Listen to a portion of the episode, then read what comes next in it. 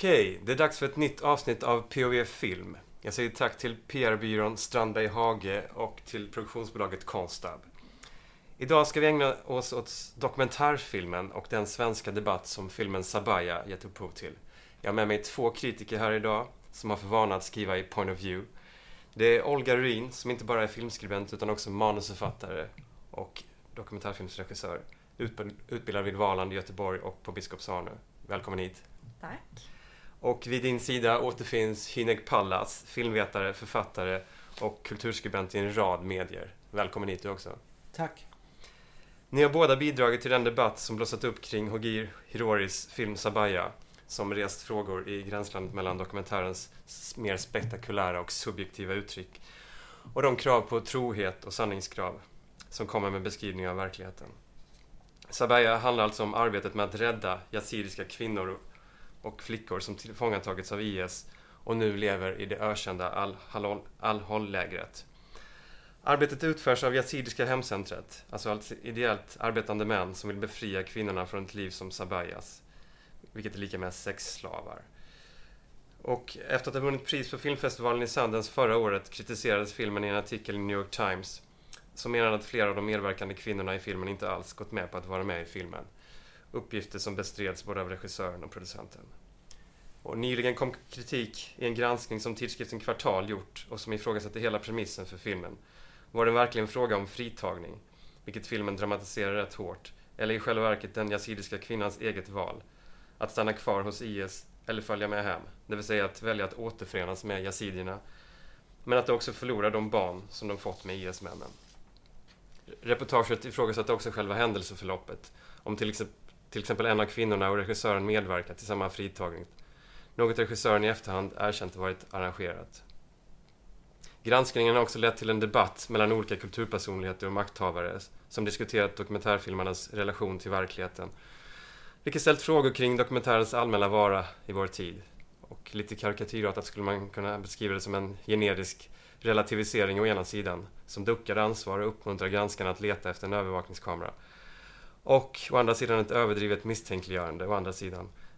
Till exempel Victor Malm i Expressen eftersökte varumärkesdeklaration för arrangerande scener.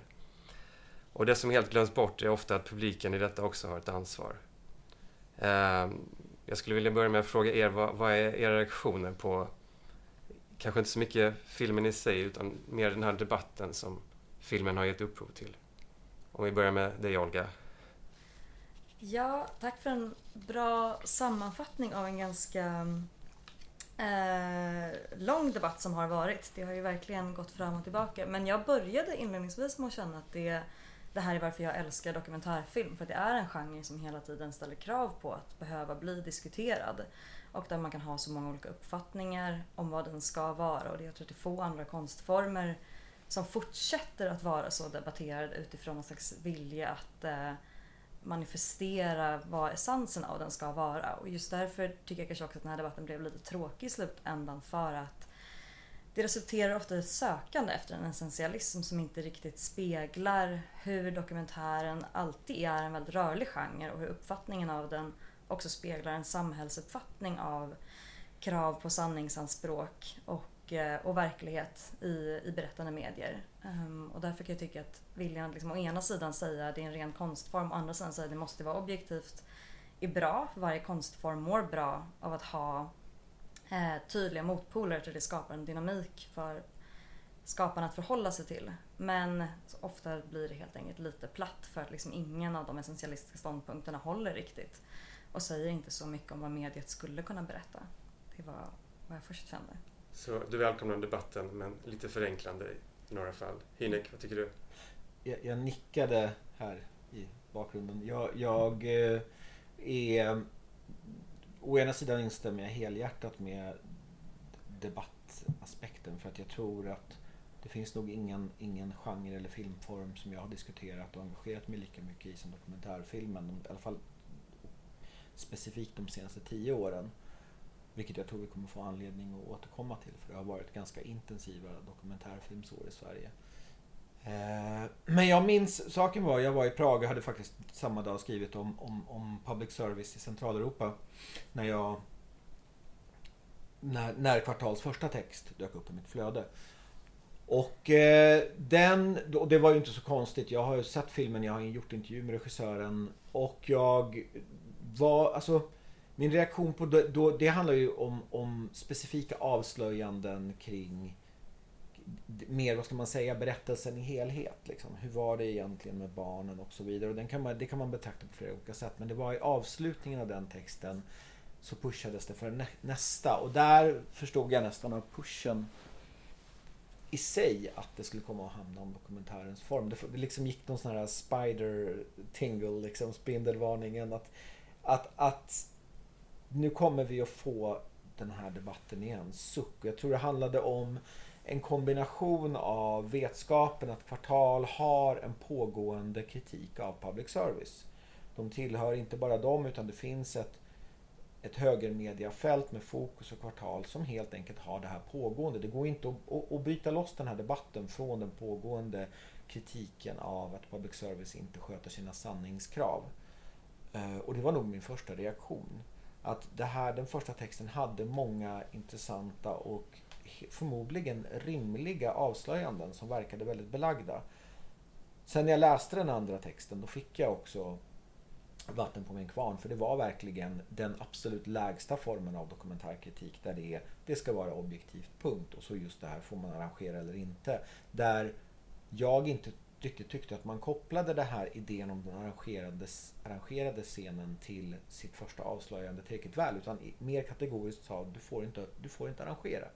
Det är liksom det debatten sen mynnade ut i och det för att avsluta och inte ta mer tid just här. Det hade inte spelat så stor roll om inte SVTs programchef Axel Arne, alltså mest, högst ansvarig för dokumentärfilm där, i praktiken hade instämt i det de sa om huruvida man får citattecken ljuga eller inte ljuga en dokumentärfilm. Och där uppstod ett stort problem.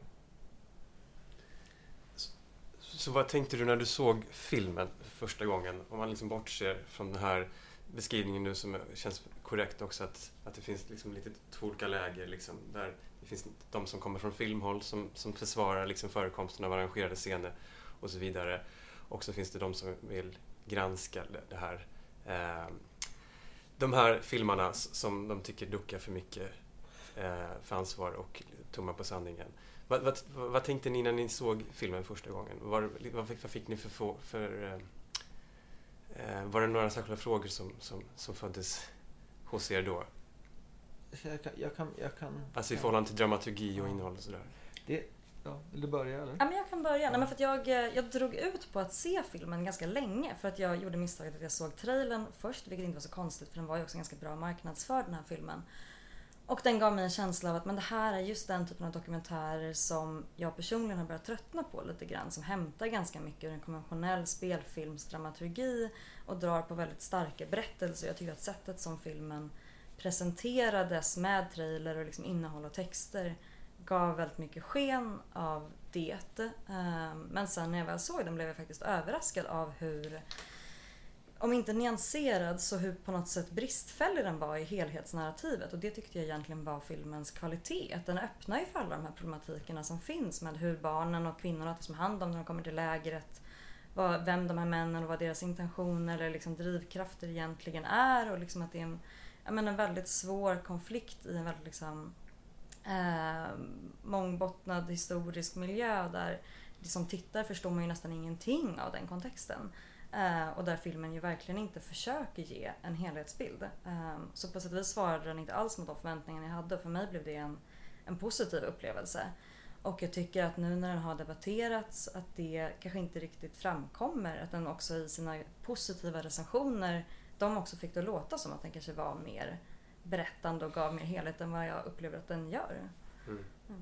Men så du upplever inte det som ett problem då med det som du själv uppfattar som ett eh, ganska tillspetsat dramaturgiskt ut, uttryck då och att det är ganska många uppenbara frågor som inte diskuteras.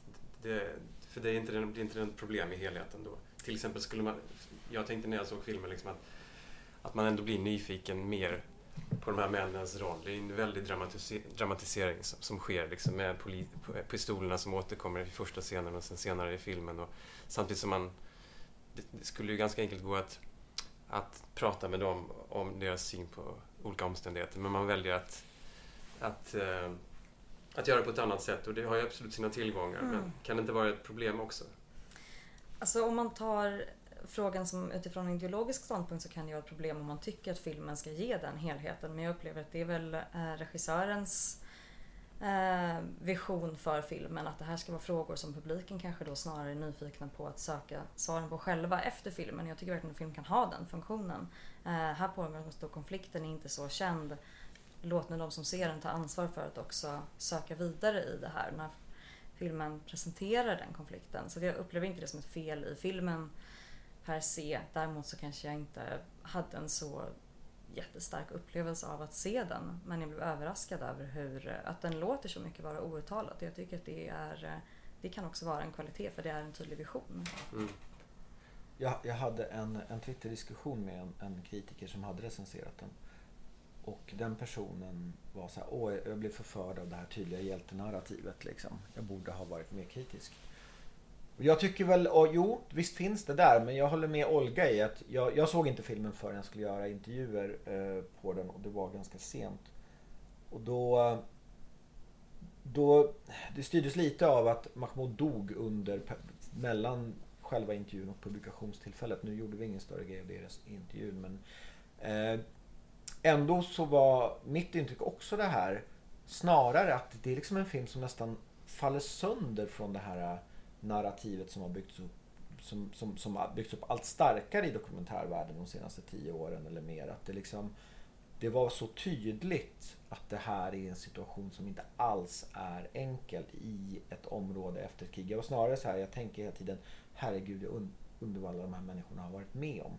Att det hela tiden finns där bakom. Och det gäller även de så kallade hjältarna som jag nog inte alls betraktade som, som, som hjältar utan människor som rätt sammanbitet gjorde någonting.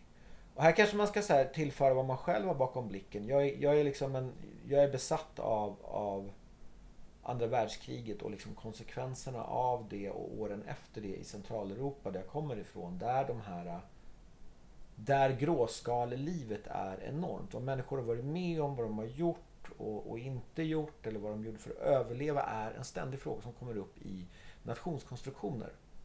Och jag har alltid med det i blicken när jag tittar på de här totalt sönderfallande eh, regionerna eller tänker på liksom Jemen nu när folk säger men nu är ett eldupphör då tänker jag alltid så här, ja men sen då? Sen har vi 50 år av vad händer när, när Ukraina är slut? Hur många generationer har vi? Så när jag ser på såna här filmer då är, om inte någon har gjort världens mest överdrivna hjältenarrativ så är det alltid i min blick. Det här är en katastrof och även människor som gör något gott i den gör det sammanbitet om vem vet var de kommer ifrån. Jag vet inte om det tillför någonting men, men, men apropå att publik tar ansvar så tror jag att filmer är bra om de väcker någonting som inte bara är den inramade idén av berättelsen. Att den har en öppning för mycket mer. Och det tycker jag ju onekligen att Sabaya har. Och där undrar jag också ifall det är så att vi är efter nu. Men, om jag ska säga ungefär 10 år eller åtminstone sen liksom 2012-2015 när också true crime-genren började etableras och liksom den underhållande dokumentären har varit väldigt dominant både framförallt genom streamingtjänster och dokumentära serier. Att det kanske också hos, men jag undrar om det är så att det hos kritiker nästan har skapat en, eh, en förutfattad upplevelse av att det man kommer se är en hjältehistoria eller en väldigt stark historia som inte riktigt, eh, att man inte riktigt förmår att kunna se att det här är en berättelse om något helt annat eller som inte säger så mycket för att det ligger hos publiken. Så problemet ligger liksom mer i läsningen och tolkningen? Ja, och att den kanske blivit mer fast i sig själv, fristående från filmen. Vad vi, tror du? Vi ska komma ihåg att kritiken inte tog sig an dokumentärfilm lika mycket förrän just för, inom ramen av de senaste tio åren med framgångarna för dokumentärfilm. Eh, och absolut, och det, men det är ju, det är ju ett, klysch, det är ett berg av klyschor. Om liksom fiktionsfilm i kritik utstår klyschor så är dokumentärfilmen utsatt för många fler. Jag har varit en, en stående kritiker av kritiken så att säga. Både för slappheten kring kring liksom att man, att man nöjer sig med en estetik som ibland är rent bedrövlig. Och då tycker inte jag att filmen ska gå upp på bio till exempel. När, när vi hade som, som starkast dokumentärvåg då köptes allt och sattes upp allt och det var helt fruktansvärt att se vissa grejer på bio. För att de inte var genomtänkta estetiskt eller narrativt. Men du har också klyschor som här får vi ett utsnitt ur verkligheten som liksom kritiker drar till med. Som ju faktiskt har varit ett vapen i Sabaya-debatten för att en DN-recension har använts liksom som ett slagträ hela tiden. Se där, Helena i DN, hon skriver minsann att det här är ett utsnitt ur verkligheten eller verkligheten räcker eller vad det är. Och då är det så.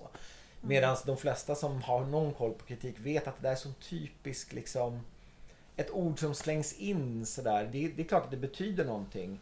Och det betyder någonting i kontrakt med, med publiken och läsarna. Och därför kan vi återkomma till att publiken ser på en film på ett sätt men vi som kritik, kritiker får inte glömma att vi har en roll när det gäller dokumentärfilm. Att föra den här debatten kontinuerligt. Och med, med nya exempel och liksom på ett mer kanske genomtänkt sätt än vad som görs ibland. För jag tycker risken är ganska påtaglig nu att man fastnar i de här gamla eh, rollerna. Med, man, man anför samma exempel som tidigare. Det är Stefan Jarl och det är Tom Arland och det ena och det andra. Jag ska ge ett svar på det. Jag, jag, jag pratade med en väldigt känd svensk dokumentärfilmare som inte kan sägas tillhöra den yngre generationen men vi kan väl säga att han befinner sig mellan Tom Arland och de unga.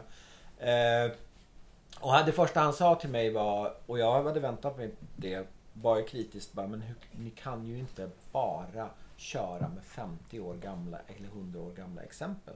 Jag sa det var helt rätt. Men vi har ju inte, och det här är ju ett, det här är symptomatiskt för svenska filmdebatter och ännu värre nu. Du får in en text Dessutom är det här eh, texter i, i, i försvarsposition i en väldigt speciell situation där du helt enkelt måste gå till den enklaste möjliga byggstenen och peka så här, men herregud, kolla på Stefan Jarl. Det, det betyder ju inte att du skulle fastna i Stefan Jarl. Jag, jag fortsätter liksom, jag vill inte hävda min naivitet, jag har varit i kulturdebatten för länge, speciellt filmdebatter, men jag hade hoppats få in en text till men redaktörerna är inte lika intresserade av att man sen går vidare.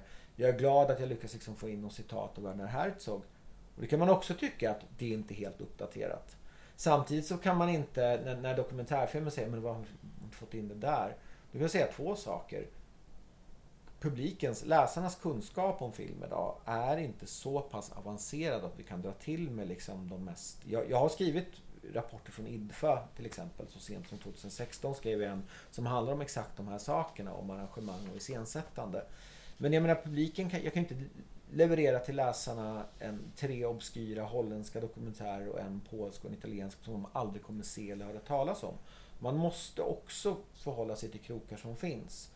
Och tyvärr är det så att då är det ju det mest avancerade du kommer att kunna dra till med är Werner Herzog även om du skulle vilja använda Errol Morris. Det är på den nivån. Mm. Men jag håller inte helt med dig för jag tycker också att vi har haft ett flertal ändå relativt levande dokumentära debatter i Sverige de senaste tio åren. Och det var ju tydligt i den här debatten nu att den inte refererar till någon av dem tidigare. Och just i relationen mellan den här debatten kommer ju verkligen att handla om liksom film som konst eller film som journalistik. Eh, och då kan man ju tycka att det är intressant att det blev ju väldigt debatterat när Henrik Evertsens eh, serie Estonia, fyndet som förändrar allt vann Stora Journalistpriset för att man ansåg att det här är inte det här är inte journalistik. Det här är liksom snarare en slags underhållande, berättande, journalistiskt ton. Um, och samtidigt så fick ju um, Searching for Sugarman fick ju också Stora Journalistpriset. Den kom ut 2012. Det här är ju två verk som är helt olika. Man kan säga att den ena drar väl mer åt att vara en dokumentär som hämtar från spelfilmens dramaturgi och liksom stora narrativ. Medan den andra just är journalistik med väldigt mycket liksom underhållande spänningsuppbyggnad. Båda de har vunnit samma pris. Varför och båda har debatterats utifrån det här om vad dokumentärens och journalistikens men sen också konstens vara ska, vara, ska vara. Men ingen av dem fördes in jo, i det här nu, samtalet. Gjorde det det? Ja, oh, oh, ja, Searching for Sugarman var med. Jag Searching for Sugarman var med. tog upp det från början. Anledningen till att den var med och inte den andra det är ju för att vi har att göra med ändå film, alltså dokumentär som ska upp på bio. Jag tror därför att därför vi höll oss till Searching for Sugarman snarare än det mer närliggande exempel. Mm. Men det var uppe från första texten, från mitt första svar och sen återkom det i svar och det var med i Johan Kronemans svar och det kom i, i, därmed också ifrån och i Ola Wångs svar i kvartal så var det också med och avfärdades. Eh, fastän som du helt säger, jag var, jag var, jag försvar, var på den försvarande sidan för för, för det. Just för att det var ju årets röst eller årets berättare. Mm. Och det är viktigt också så här, kan journalistpriset rymma årets berättare? Då borde det kunna rymma dokumentärfilmen. Mm. Det, då, då är vi inne på den här debatten igen. Var, var är, hur, hur, hur vitt spektrum rör vi oss i. Liksom. Ja, och där kan man Men, men, men hur ska vi få till ett, ett bättre samtal kring det här då? För att menar, de senaste 10 åren eller 20 åren så har ju liksom dokumentärfilmen i alla dess olika former liksom exploderat. Eh, det, här behovet finns ju liksom både i streamingkanalerna och public service-kanalerna och på flera håll. Och ni är ju liksom, ni är vana vid liksom att åka till festivaler som IDFA och CPH Docs i Köpenhamn och sånt där. Liksom, hur ska vi liksom göra de här filmerna mer rättvisa liksom, och diskutera dem utifrån dess bredd snarare än liksom, att fastna i de här eh, delvis gamla liksom, exemplen. För det första ska vi måste vi fastslå att det är en bredd. Och den, det, är ju, det finns ju inget annat ställe där samtalet kan utgå ifrån än filmsidorna. Och där, då måste vi gå tillbaka till problemen med filmkritiken i Sverige. Den är ju nere på konsumtionsupplysningsnivå och det är det stora problemet. Så filmsidorna har ett ansvar. Ingen skulle föra en, en autofiktionsdebatt om litteraturen idag utan att ta in litteraturkritiker och litteratursidornas ansvar. Så först får vi ju fastslå det att ja, filmkritiken har ett enormt ansvar för att förklara bredden. Det märker man ju också i svaren här att den ena sidan säger nej det är ju granskande, det är undersökande journalistik. Ni får döpa om genren om ni vill att det ska vara något annat. Och det är också därför vi har gått tillbaka till hundra år gamla exempel. Eh, och som sagt, även de är ifrågasatta nu. För att ska man, ska man säga att eh, Nanook, Köldens son, är den första dokumentärfilmen eller sägs vara den första dokumentärfilmen. Då fick jag på tassen av filmvetare på Twitter häromdagen som menade att men det var, ju- då hade jag uttryckt mig semantiskt klumpigt. Naturligtvis är det inte den första dokumentärfilmen. Första gången någon ställde upp en kamera och filmade en bil är såklart den första dokumentära upptagningen. Men då, då, då, man gör ju ett misstag om man ser det så också. För här måste debatten börja. Det måste ju börja med när vi börjar med definitioner. När börjar vi göra åtskillnad kring vad det är vi, vi arbetar med? Att bara filmat någonting är såklart dokumentärt material. Men en dokumentärfilm är när vi börjar betrakta det som genre, när vi börjar diskutera det så. Och det är väl därför Nanook har betraktats som den första dokumentären för att John Grierson var den första som etablerade ordet documentary i sin recension av den filmen och därmed som kritiker gick in och liksom skapade ett uttryck för en genre. Så att det finns väl en reception som man behöver förhålla sig till när man pratar om bredden i dokumentärer och vad den genren kan vara. Och samtidigt så tycker jag att det är, precis som du säger, att dokumentärkritiken i Sverige har reducerats till en slags konsumtionsupplysning och det tänker jag också hänger ihop lite med att vi har så mycket streaming och så mycket serier idag och recensionerna av dem är ju verkligen konsumtionsupplysning. Det här är topp 5, det här är bra eller bara mindre bra.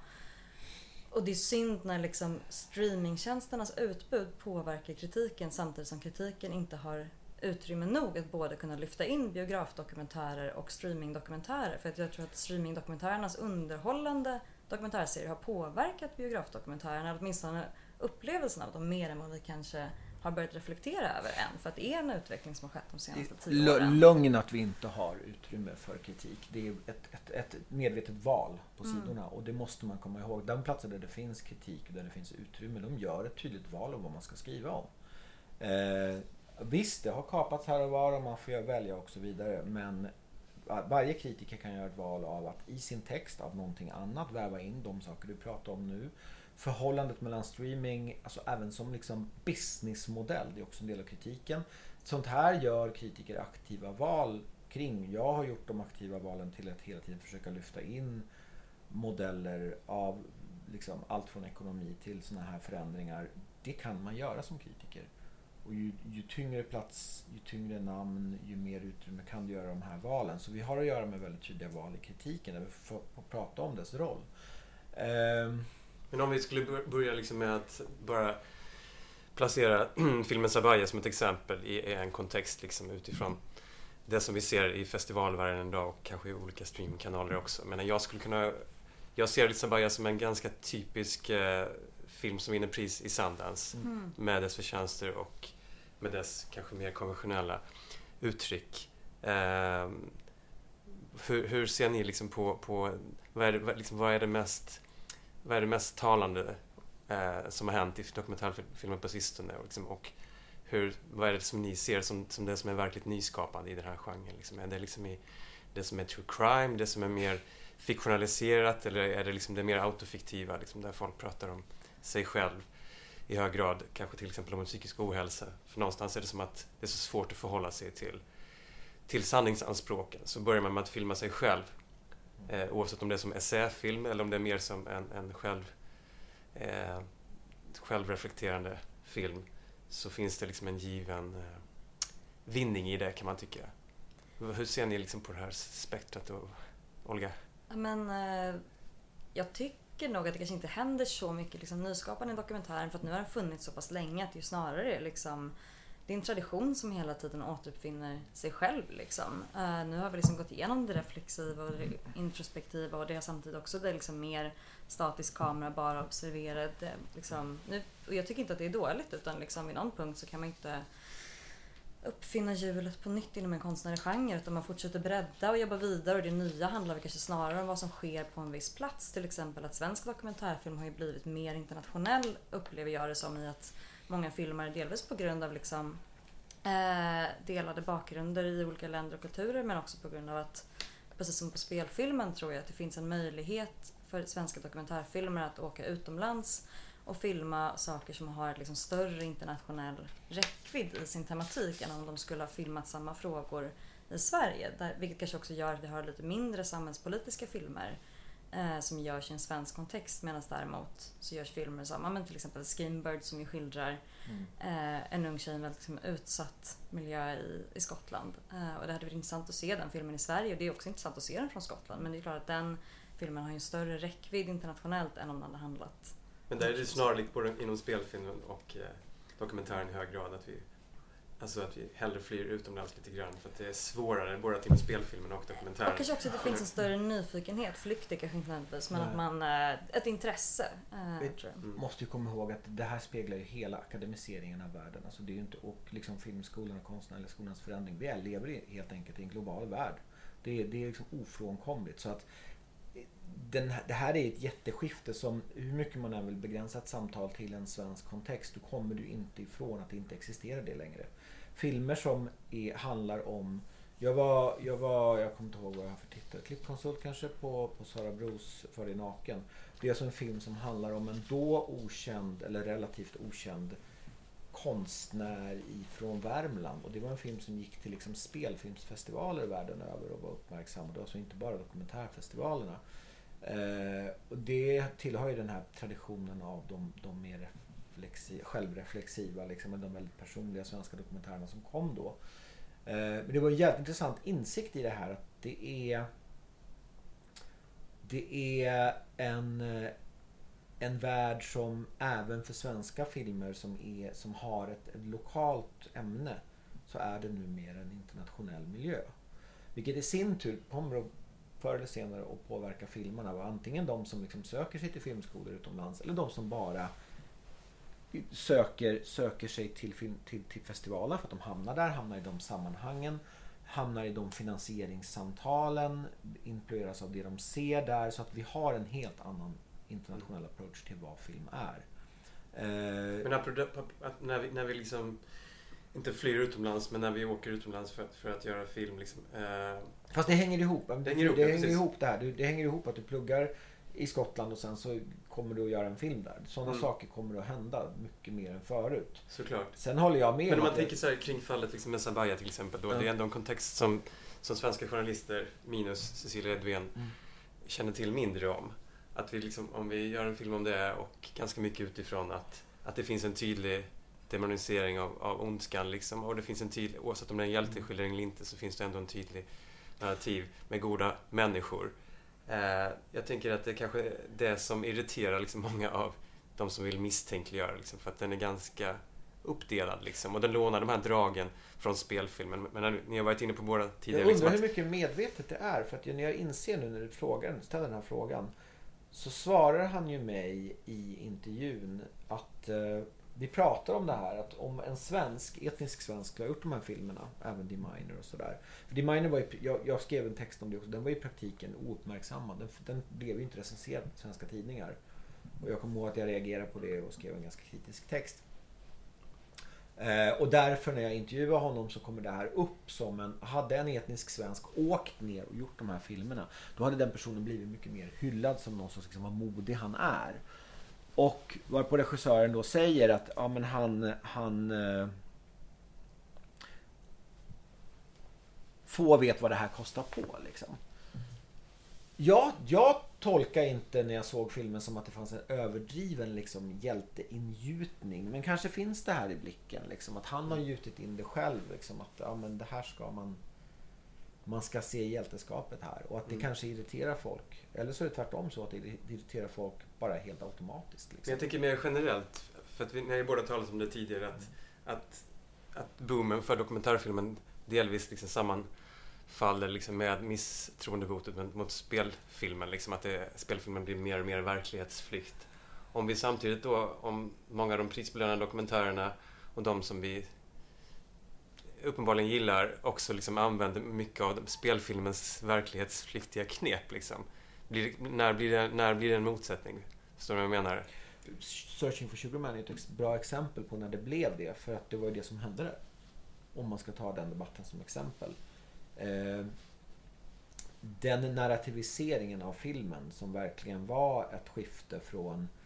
Det var ju inte... Alltså, hade man bara berättat historien om Rodriguez som en kille som råkade vara bortglömd ett tag på en plats. Och ta, liksom, nu, nu tog alltså Malik Benjelloul bort en stor bit av verkligheten där han hade haft en jättekarriär i Australien. Och därmed fick han en narrativ skjuts av den här bortglömde killen som liksom tjoff. Och det är ju helt och hållet det narrativ. Jag kallade det för, när jag skrev om det på den tiden, så kallade jag det för liksom den narrativa vändningen i dokumentärfilmen. Som förstås inte var okänd eller inte hade funnits tidigare men den blev så, så påtaglig och utgick ifrån ett antal stora producenter. Det ska vi inte glömma. Det var alltså producenter som vann flera Oscars för sina filmer. Som, som, som konsekvent gjorde det här. Eh, och det, det, så det, det är ju kostnaden. Så att säga. Att ska du, ska du ha fantastiska historier då kommer du förmodligen att påverka verkligheten lite grann för att det ska bli fantastiska historier. Det var någon som påpekade att eh, Grizzly Man hade kanske inte blivit fullt lika stark om man hade liksom pushat på det faktum att Timothy Treadwell hade överlevt 13 år med björnar och sen råkade dö en sommar. Det, är- det hela tiden narrativet ligger i det du väljer att, att ta bort också. Men finns det någon liksom bortre gräns för hur mycket vi kan liksom vinkla en historia för att vinna uppmärksamhet i den här oändliga floran Men- av filmer? Jag tror att den bortre gränsen ligger vid när man blir för uttråkad. Jag tycker att det är det som är problemet när, men när dokumentärer hämtar grepp från spelfilmen. Det, det som är synd är att de ofta hämtar de mest konventionella greppen. Mm. Vilket ju liksom urvattnar den dokumentära genren som ju också har kunnat bygga på att vara lite mer eh, nyanserad och kanske liksom svårare att få ett grepp om för att berättelserna från verkligheten inte alltid är lika lätta att placera in i liksom orsak konsekvensnarrativ. Men när man börjar hämta in det och kanske också hämta in lite mer närmast arkaiska karaktärer som hjältar, offer, förövare så blir dokumentären helt enkelt lite trist. Jag tror att vi kommer, den bortre gränsen kommer ligga när vi blir mätta på Ja. det. Eh, och jag tror att det redan har börjat komma. Att man börjar tröttna på Netflix och streamingtjänstdokumentärer som upplevs som allt för konstruerad och de är det nya man förhåller sig till som konstruktion snarare än spelfilmen. För att de har blivit en så stor del av dokumentärlandskapet. Och inte Men bara tänker ni att den allmänna mottagaren tänker så också? Ni är ju liksom Ja, men jag tror, jag tror att här är vi inne på, nu börjar vi komma in på någonting intressant. För de, de här fruktansvärda eh, 18 avsnitten av någon true crime-grej är ju också en grej att nu vänjer sig vid publiken, förutom att det liksom serialiseras, då vänjer de sig vid att ett helt avsnitt kan handla om en relativt obskyr grej som du i en 90 minuters dokumentär förmodligen hade valt bort. Och här uppstår ytterligare ett problem. Alltså det finns ju då i Savaya-debatten här med barnen då. Jag menar när jag intervjuar Hagi då, då, då, då, då är sista frågan i min text som sannolikt inte är den sista frågan, men i min konstruerade uppställning av frågor och svar, då slutar ju hela grejen med att vi pratar om att han följer ett av de här barnen. Det, är ju inte, det här är ju inte en man som på något sätt mörkar att det, var speciellt komplicerat, att det är komplicerat med de här barnen. För honom, och det är snarare det här han då skulle kunna kritiseras för, för honom är det ju här självklarheter. Har han då fått igenom det till publiken? En del säger ja, jag tycker att det komplexa syns i filmen. Men det är, ju- då är det precis det här, vad, ta, vad väljer du att ta med? Vad, vad är, väljer du att inte ta med? Och en anledning att inte ta med vissa saker är kanske för att du håller på med en ny film. För att du kommer att fortsätta med i samma ämne, samma område. Nu kommer han sannolikt absolut inte kunna göra det. Men, eh, så att, men publiken idag sitter där och matas med 18 timmar om ett ämne. Där man inte lämnar en enda sten unturned för att nu måste ju Netflix ha beställt. Nu ska vi ha sju säsonger av Tiger King. Jag menar, det är ju tillrättalagt så in i helvete, absolut, absolut, liksom apropå narrativen. Men mycket mer kommer med. Och det är ju snarare där risken är att liksom kritiken allt mer kommer börja bli det där kommer inte med, den där personen kommer inte med. När alla liksom, det, det måste liksom vara det måste också finnas en gräns, en bortre gräns för vad vi måste kommunicera till folk. Att säga så här, nu gjorde man en dokumentär om det här. Och, nej, alla människor som kan uttala sig i den frågan är inte med i filmen.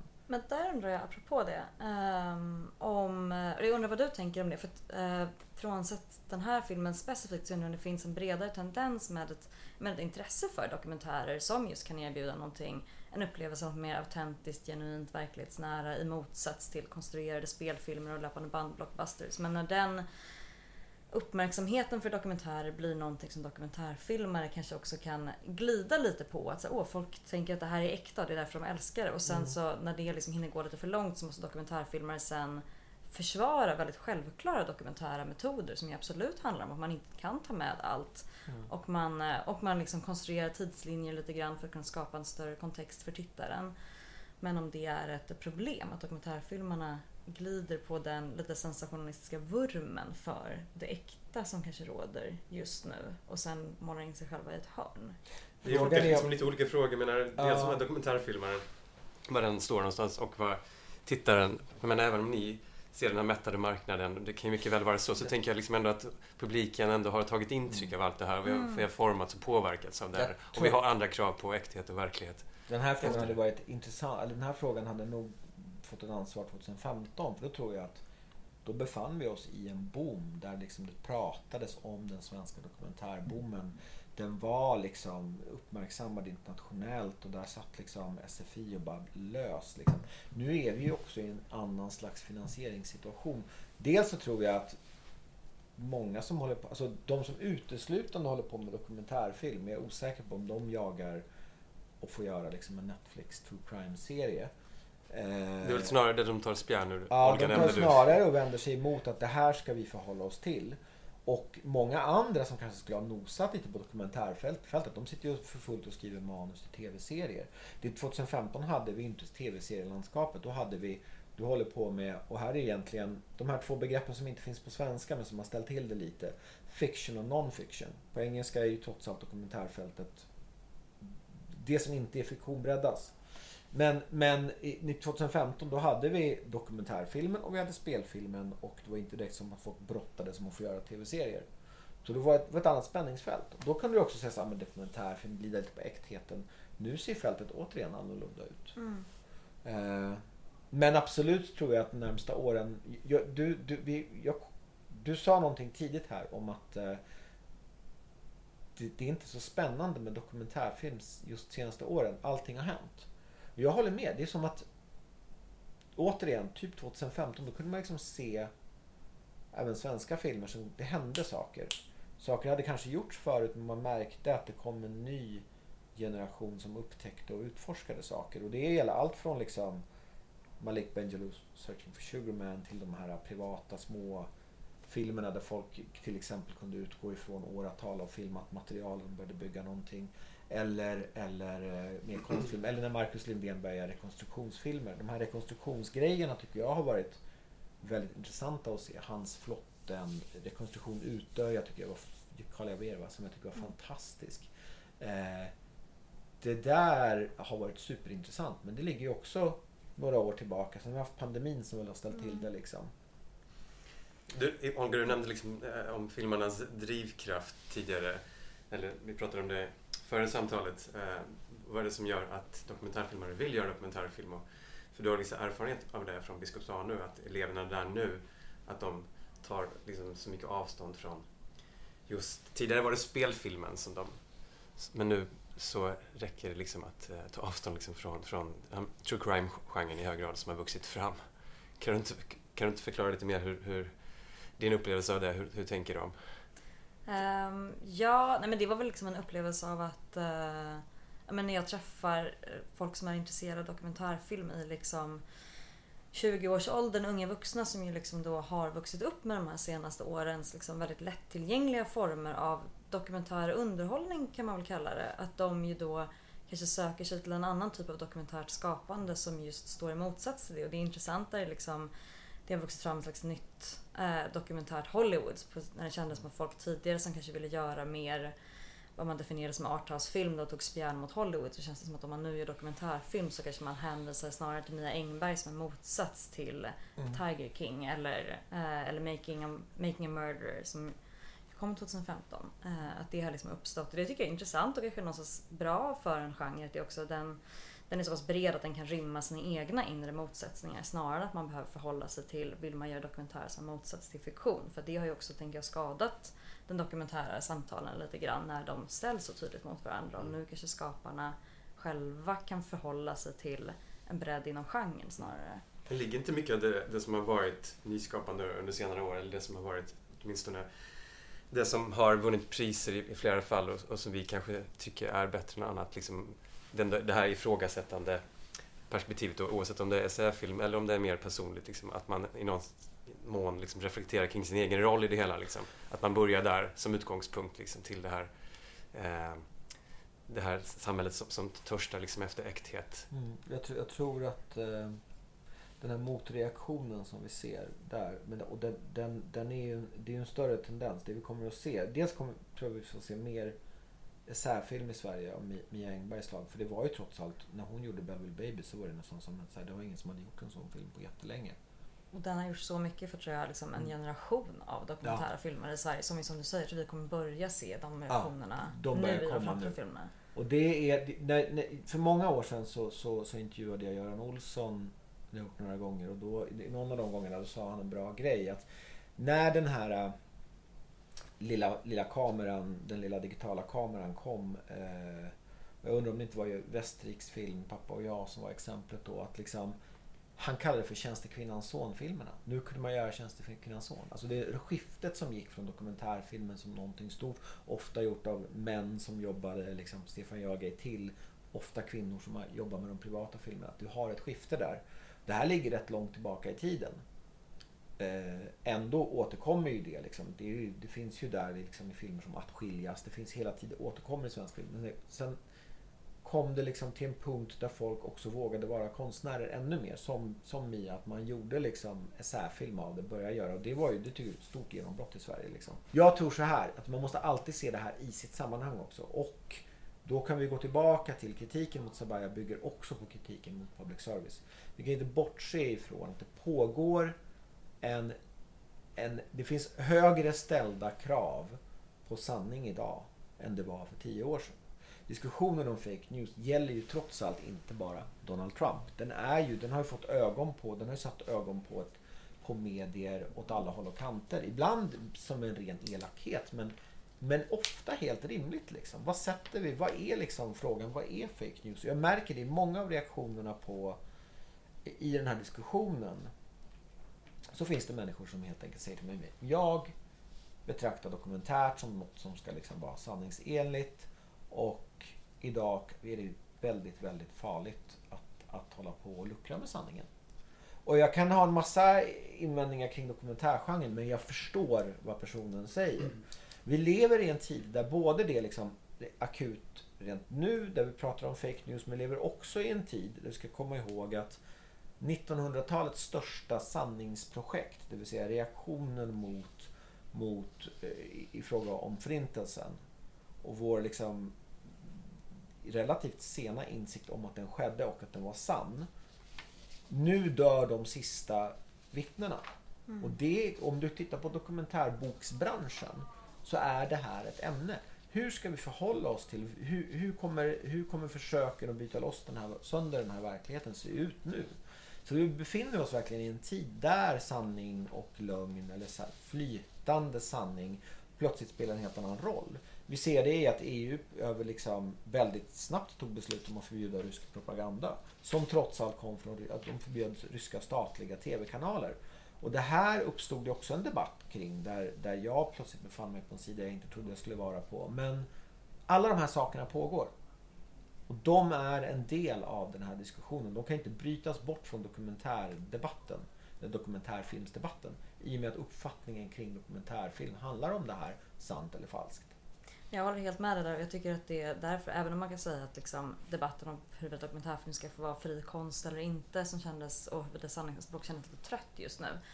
Som är så här, har vi inte redan diskuterat klart det här? Så var det ju verkligen, men på grund av att den här diskussionen hela tiden pågår eh, så blir ju alltid den samtalet om det dokumentära sanningsspråket viktigt. Och jag tycker att det är om man ska generalisera otroligt mycket så tycker jag ändå att det är lite intressant att liksom se att nu kommer ju liksom, framförallt från kanske högerhåll, en kritik av att dokumentärerna är så konstnärliga och liksom fria och de liksom förmedlar inte sanningen och det är till och med fake news.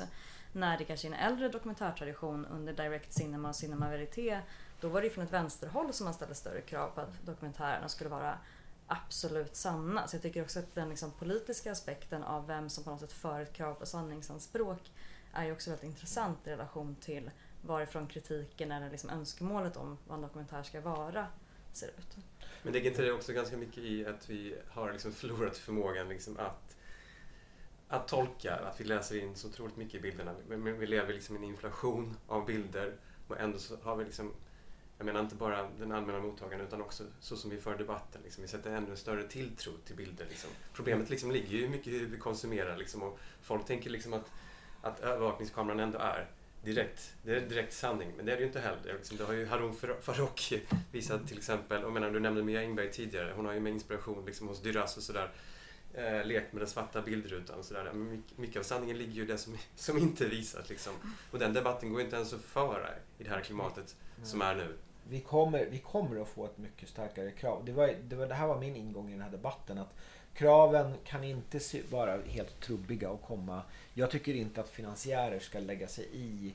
Eller sagt så här, finansiärer kan ju diskutera men chefer som har ett, ett styrande ansvar som därmed kommer uppfattas på ett visst sätt hos dokumentärfilmer. De kan inte säga saker som att det finns lögn eller alltså, man får inte ljuga eller säga att vi kanske kommer att ställa krav på på, på att det ska vara texter, det vill säga varudeklaration i vissa scener. Däremot tror jag att det kommer att uppstå en annan slags medvetenhet. Jag tror vi kommer se reaktioner hos filmare som kanske medvetet inte kommer lägga på musik. Alltså I sig så är det ju en, det kanske man inte när man hör ett samtal så här tänker på, men om vi tittar på en, på en filmbild med eller utan musik så betyder det jättemycket. Och val som kommer att vara mindre styrande. Alltså I sådana här saker kanske vi ser konsekvenser och effekter. Men vi kommer också se eh, och det här är ju alltid, jag menar om du anim, gör en animerad dokumentärfilm, vilket jag har hållit på med några år att skriva manus på, vilket också skriver manus på. Eh, då är det ju i varje bildruta uppenbart för, för tittaren att den ser på någonting som är konstruerat. Men, men här, jag kan berätta någon sekund om den bara för den är, det är ganska intressant eftersom det hänger ihop med de här sakerna. Vi ska berätta om en, en människa. En judisk eh, affärsman. Som på sin tid var en av Centraleuropas absolut största män på grund av att han kontrollerade elektriciteten. Eh, men han var då både jude och kapitalist. Så först så mördade nazisterna honom. Och sen så utrotade kommunisterna praktiskt taget varje spår av honom. Så när han väl fick börja pratas om igen på 90-talet, då fanns det ingenting. Det fanns några bleknade foton, det fanns något liksom gömt familjearkiv under en golvbräda. Men praktiskt taget alla var döda.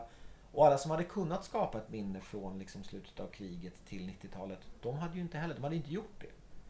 Så hur, hur, vad gör du om du ska berätta dokumentärt om de här människorna? Hur rekonstruerar du sådana öden? Och sånt står vi nu inför. Liksom. När förintelsen, med alla de här 1900-talsgrejerna, hur ska vi förhålla oss till dem? Där, där vi inte bara har slagit människorna i spillror utan minnet av dem. Och då, då är, det, då är dok, animerad dokumentär perfekt. Men jag är också medveten om att tittaren ser ju på någonting den förstår är konstruerat. När de flyr, i fly, danska Fli, när de flyr genom skogen så har de ju gjort ett val. Det är alltså en film som handlar om, om flykt. En flykt från Afghanistan. När de gör valet där, då handlar det ju både om att det är en situation som inte går att filma. Men, och här knyter vi an till Sabaya, det är en, en, en situation som handlar om utsatta människor. Och att arbeta med trauma i dokumentärfilm, då är det här är ju ingen nyhet. Att, att rekonstruera eller animera scener handlar ju om en... Dels att du kanske tänker att du kommer närmare en viss sanning, traumat. För att det är inte något som kanske går att filma av. Du kanske måste gestalta det. Eh, men du respekterar också de människorna som finns där.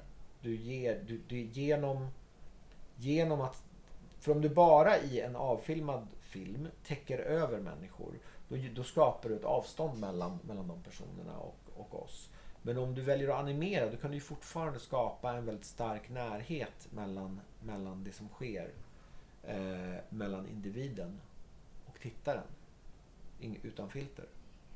Så på det sättet kommer du mycket närmare trauma men utan att utlämna. Och det här var något som jag tänkte på mycket när kontraktet med de här kvinnorna kom upp och sånt där. Att vi befinner oss i en tid där det kanske mest autentiska som finns det är att du har skrivit på ett kontrakt. Allting ska liksom vara release forms och så vidare. Jag tror inte, det är inte många decennier bak i tiden där ingen brydde sig om att, att skriva på ett, ett kontrakt. Och eh, för att avsluta den här långa, långa funderingen så tror jag också att vi står inför ett skifte där vems berättelse det är kanske också är en anledning till att just den här regissören till Sabaya som är man har blivit ifrågasatt. För att plötsligt är det så här, vem är du och tar dig rätten att berätta de här personernas historia? Där man plötsligt frångår att men det är en narrativisering, det är en iscensättning. Det är en person som tar kontrollen över det här, filmar och sätter igång allting.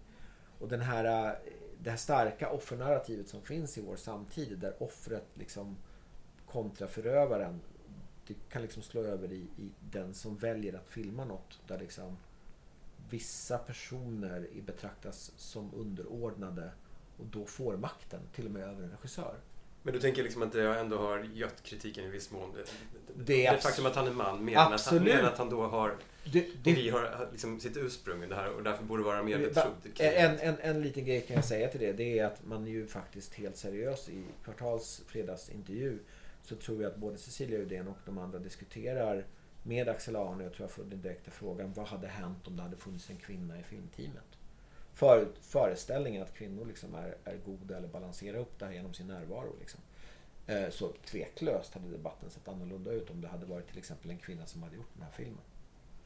Jag vill bara koppla an till det, för du förde in releaseforms, vilket ändå är en väldigt intressant del av ett dokumentärt arbete och en, absolut en ny del som jag tror är alltså bara positiv i den meningen att det har begåtts relativt många liksom felaktigheter inom ett historiskt dokumentärt skapande på grund av övertramp från skaparnas sida i relation till sina porträtterade subjekt. Och det där är en, en positiv utveckling. Att nu ska man inte vara liksom rättslös för att man är filmad eller för att man någon gång muntligt har sagt eh, jag är okej med att filmas. Men däremot så kanske den byråkratiseringen av rättigheter också har gjort att man har tappat en känsla för att diskutera den etiska aspekten som kommer med just gestaltning och konstnärlig, konstnärliga uttryck. Jag tänkte på det Olga med eh, som Hinik, som han är inne på nu, liksom, apropå det animerade utifrån Fli och sådär Alltså hans eget projekt. Hur, hur, hur närmar du dig liksom det här, den poetiska sanningen? Hur, liksom, hur närmar du dig liksom den komplexa sanningen i, i, din, i din process? Hur, alltså, hur mycket kan man liksom, eh, få närma sig ett trauma liksom? Eh, genom att arrangera, eller att återskapa, rekonstruera av olika skäl. I vissa fall för att man måste göra det, i andra fall för att det är mer hänförande. Eh, bra och jättesvår fråga att svara på. Jag tror att det som det första man kanske ändå vill säga är att det ligger ett problem i frågan när man frågar hur mycket för då sätter man upp en kvantitativ gräns för någonting som kanske egentligen handlar om en kvalitativ gräns. Både för liksom samarbetet mellan den porträtterade och den som porträtterar och för liksom frågan i sig. Och det är ju självklart att människor genomgår massa saker som aldrig kommer vara visuellt synliga i en bild och där måste man ju som dokumentärfilmare kunna gå in och säga vad kan jag göra som visuellt ersätter det som kanske är ett inre känsloliv. Eh, som kanske inte bara är intervjuer heller, där någon ska berätta hur de känner. Utan finns ett sätt att liksom kunna nå en, en gestaltande form av det verkliga som inte går att fånga på bild. Eh, men det finns inget kvantitativt svar på det utan jag tror det är en konstnärlig avvägning och där jag också tycker att med avståndet som kanske också uppstår mellan publiken och till exempel den porträtterade Sabaya för att det finns en språklig och geografisk distans ställer också större krav på publiken att faktiskt vara delaktig i att också försöka avgöra vart har den här liksom kvalitativa etiken och estetiken förlagt sig i det här verket. Um, så att, uh, nu undviker jag att svara på hur jag själv jobbar men det är för att jag känner att det är, uh, det är ja, svårt att sammanfatta med ett verk. Man vill inte Mm. heller skapa ett entydigt exempel Mm. um, som svar på det för det finns inte riktigt. Mm, Men det, vad man rent generellt kan säga om man inte vill prata om enstaka är ju det här hur mycket vi påverkas av vad som ligger i tiden. Jag menar, animerad film har tagit kliv som, som, som den inte hade gjort för bara några decennier sedan. Men för några decennier sedan när någon arbetade, eller många decennier sedan när någon arbetade med det liksom konstruerade. Du kan ju ta ett exempel som inte har varit otroligt nog i den här debatten. Aaron Morris film Blue Line som hette Den sköra tråden på svenska. Mm. 1988. Han arbetar ju alltså och från den stunden med film noir i scensättningar liksom. Alltså i ljus, ljussättning och så vidare. Men den filmen ledde ju till ett frikännande av en dömd man. Eh, men den ledde till det. Den, den ansågs så pass autentisk. Men den kunde inte nomineras till en Oscar för dokumentär för att den ställde till med så stor skandal på grund av iscensättning. Så redan 1988 har du en sån, eller redan, du har även 1988 en sån spännvidd i debatten. Men publiken verkar ju hela tiden väldigt, väldigt öppen för när dokumentärfilmen tar stora kliv. Vare sig det var Errol Morris som liksom fick en enorm karriär eller om det är Herzog som är ärlig med att liksom, man nog inte ska betrakta det han gör som en dokumentärfilm. Eh, till mig sa han att det var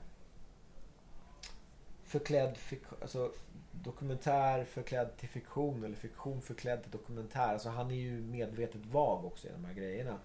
Men, men det här är ju inga, de här männen är ju inga facit förstås. Men de är ju hela tiden eh, bokstöd när vi går tillbaka i debatten och pekar på saker som har hänt och hur de utvecklas. Och i, i, I LLC vad heter den? LLC någonting. Den, den filmen som Herzog gjorde här om året som jag intervjuade honom för i Berlin. Eh, då, då gjorde han en, i praktiken en film om en helt vanlig kärlekshistoria.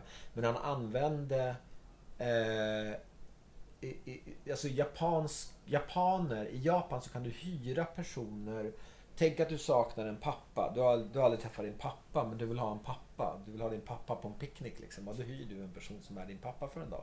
Det är skådespelare. Ibland är de inte skådespelare i grunden utan de, då, då, du är pappa.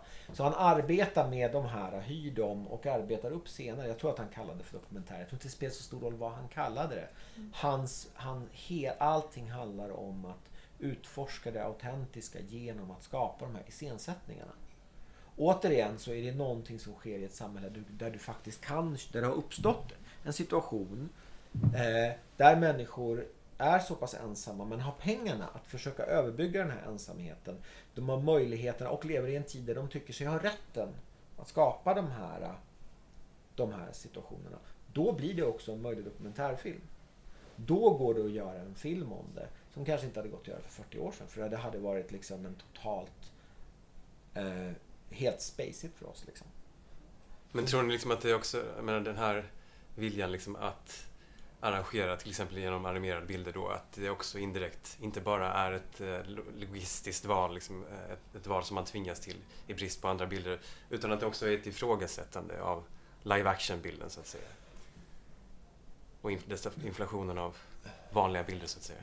Ja, och när Waltz with Bashir utkom som jag använde ren animationfilmen igenom så då upplevdes väl det lite som ett ifrågasättande. Men den filmen är ju också ganska gammal nu. Och det känns som att det där har använts så pass länge att nu upplever inte jag i alla fall när jag ser en animerad dokumentär att det kommer som ett ställningstagande eller motsättning till den reella bilden. Utan det där har blivit också en ganska etablerad dokumentär metod och som kan kritiseras utifrån att man tycker att den är mer eller mindre väl genomförd. Ehm, och där man kan se att då uh, Flykt av, vad heter Poe Rasmussen, uh, är, använder ju animationen på ett enormt bra sätt i det att han också låter den vara mer skissartad ibland och ibland mer tydligt uttecknad som ett sätt att också visa på bildernas olika tyngd i hur pass väl ihågkomna de är av personen som precis. driver minnesberättelsen. Exakt, idag har vi mycket mer Wasfid Bashir som nu har några år på nacken startade det här väldigt mycket. Den innehåller det här med trauma. Eh, idag förhåller vi oss precis på de här planen där vad är det vi minns och inte. Det är ju en fri, vi ska också tillägga att Fli är animerad för det handlar om anonymisering. Det är också en viktig poäng. Men jag menar, när, när, när, när Ari Folman valde att göra det, då byggde han ju också på en tradition där man hade arbetat så kring Förintelsen. Vi har rätt tidiga serier, eh, små korta filmer, även någon svensk, som liksom handlar om, om barns trauma kring Det går helt enkelt inte att fånga. Det går inte att återskapa vissa miljöer eller så vill du inte filma i Theresienstadt för du kanske inte vill filma i miljöer som var byggda Alltså det finns så många aspekter. Vem, vems ärende går när du, när du liksom väljer att filma i en kuliss som byggd som ett koncentrationsläger. Alla de här, det, det blir så etiska och moraliska frågor. Du kan åka till, eh, till Polen står ju alltså koncentrationslägret som, som, som eh, som Steven Spielberg bild, byggde för Schindler's list står alltså kvar som en turistattraktion och som tolkas av vissa besökare. Amerika, jag har träffat amerikaner där som tror att det är ett riktigt koncentrationsläger. Alltså, vi, den här minnet av 1900-talet och hur vi förhåller oss till det är, och nu kanske jag flummar iväg från ämnet, men jag tycker det är så otroligt fascinerande. Det här vad, vad vi inte heller kan, kan vad liksom en stor metod från de som inte ville att vi skulle kunna avgöra vad som hade hänt historien är ju att förstöra dokumentationen. Det är också en anledning till att vi måste förhålla oss fritt eller kreativt kring dokumentären. Ja, men jag tycker verkligen, och att det här är ett så pass stort ämne i sig, eh, men att man ju verkligen bara kort vill säga vad minnet också har gjort för, för dokumentärfilmen som genre, för det bygger på bilder som inte är åtkomliga. Mm. Så det har ju också varit en, en drivande liksom, ett drivande problem i den dokumentärgenren som man behöver lösa. Hur liksom återskapar man ett minne i en film som uppenbarligen är från en verklig händelse som inte fanns eh, där att dokumentera. Så vad gör man av det? Och dokumentärens relation till minnesbearbetning eh, och historisk bearbetning och de nya minnena som kan skapas ur kanske ett historiskt eh, borttagande av händelser är ju ja, en väldigt bred och intressant diskussion ja. och den skulle kunna pratas mer om i relation till dokumentären också. Um, men, men jag bara tänkte på, om inte du hade en fråga Jon, att det, för du tog upp live action-bilder. För att någonting som vi inte har pratat om är ju reality-tv. Mm. Eh, och som ju väldigt sällan nämns i relation till dokumentärer. Ja. Och när vi ändå pratar om true crime och underhållning. Det finns ju en underhållningsgenre av dokumentären som ju, när man ställer upp dikotomin mellan konst och journalistik så tar man aldrig in den. Och jag undrar om det är för att den är så pass tydligt avgränsad av sin Eh, sin plattform eller sin distribution. Att folk behöver heller aldrig tveka. Det är en dokumentärgenre som bygger på att man vet att det här är förhöjt för att få en effekt hos tittaren. Men den är inte så problematisk. Nej men jag, jag håller med. Och det är en av de första sakerna jag skrev på Twitter i reaktion på det här för någon som sa att publiken förstår inte det dokumentära språk. Det var så här. Vi pratar alltså om en generation. Idag, idag är liksom, ligger Paradise Hotel och Robinson och de här. Nu pratar vi liksom 25-30 år snart av reality-tv. Där folk är skickligt medvetna om vilken konstruktion det är. Vi pratar om en generation som, som, som har inte bara Instagram utan konstruktionen av Instagram. Av att själva kunna filma av, och inte bara och Snapchat och så vidare i telefonen. Så att det här tycker jag man alltid ska ha med sig som bakgrund när folk säger att folk inte förstår det här med konstruktionen av dokumentära bilder. Men vad jag håller med dig där att all, det gör att dokusåpan, om vi ska kalla den för det, faller bort väldigt, väldigt lätt. Det, och det, är så, det, det, är intressant för att när vi gjorde, när vi gjorde Bergmans video eh, dokument, både som dokumentär-tv och dokumentärfilm och åkte över till USA och jobbade med lokala team. Då var alla alltid, du vet jag jobbade med till, till vardags och alla jobbade på dokusåpor. Allihop! Och sen så åkte de med mig och gjorde dokumentärt material. Liksom. Och sen så åkte de tillbaka och gjorde dokusåpor. Mm. Finns ingen som helst gräns. Däremot var de väldigt sällan anlitade som, som fiktionsfotografer. Mm. Men alla jobbade i dokusåpavärlden.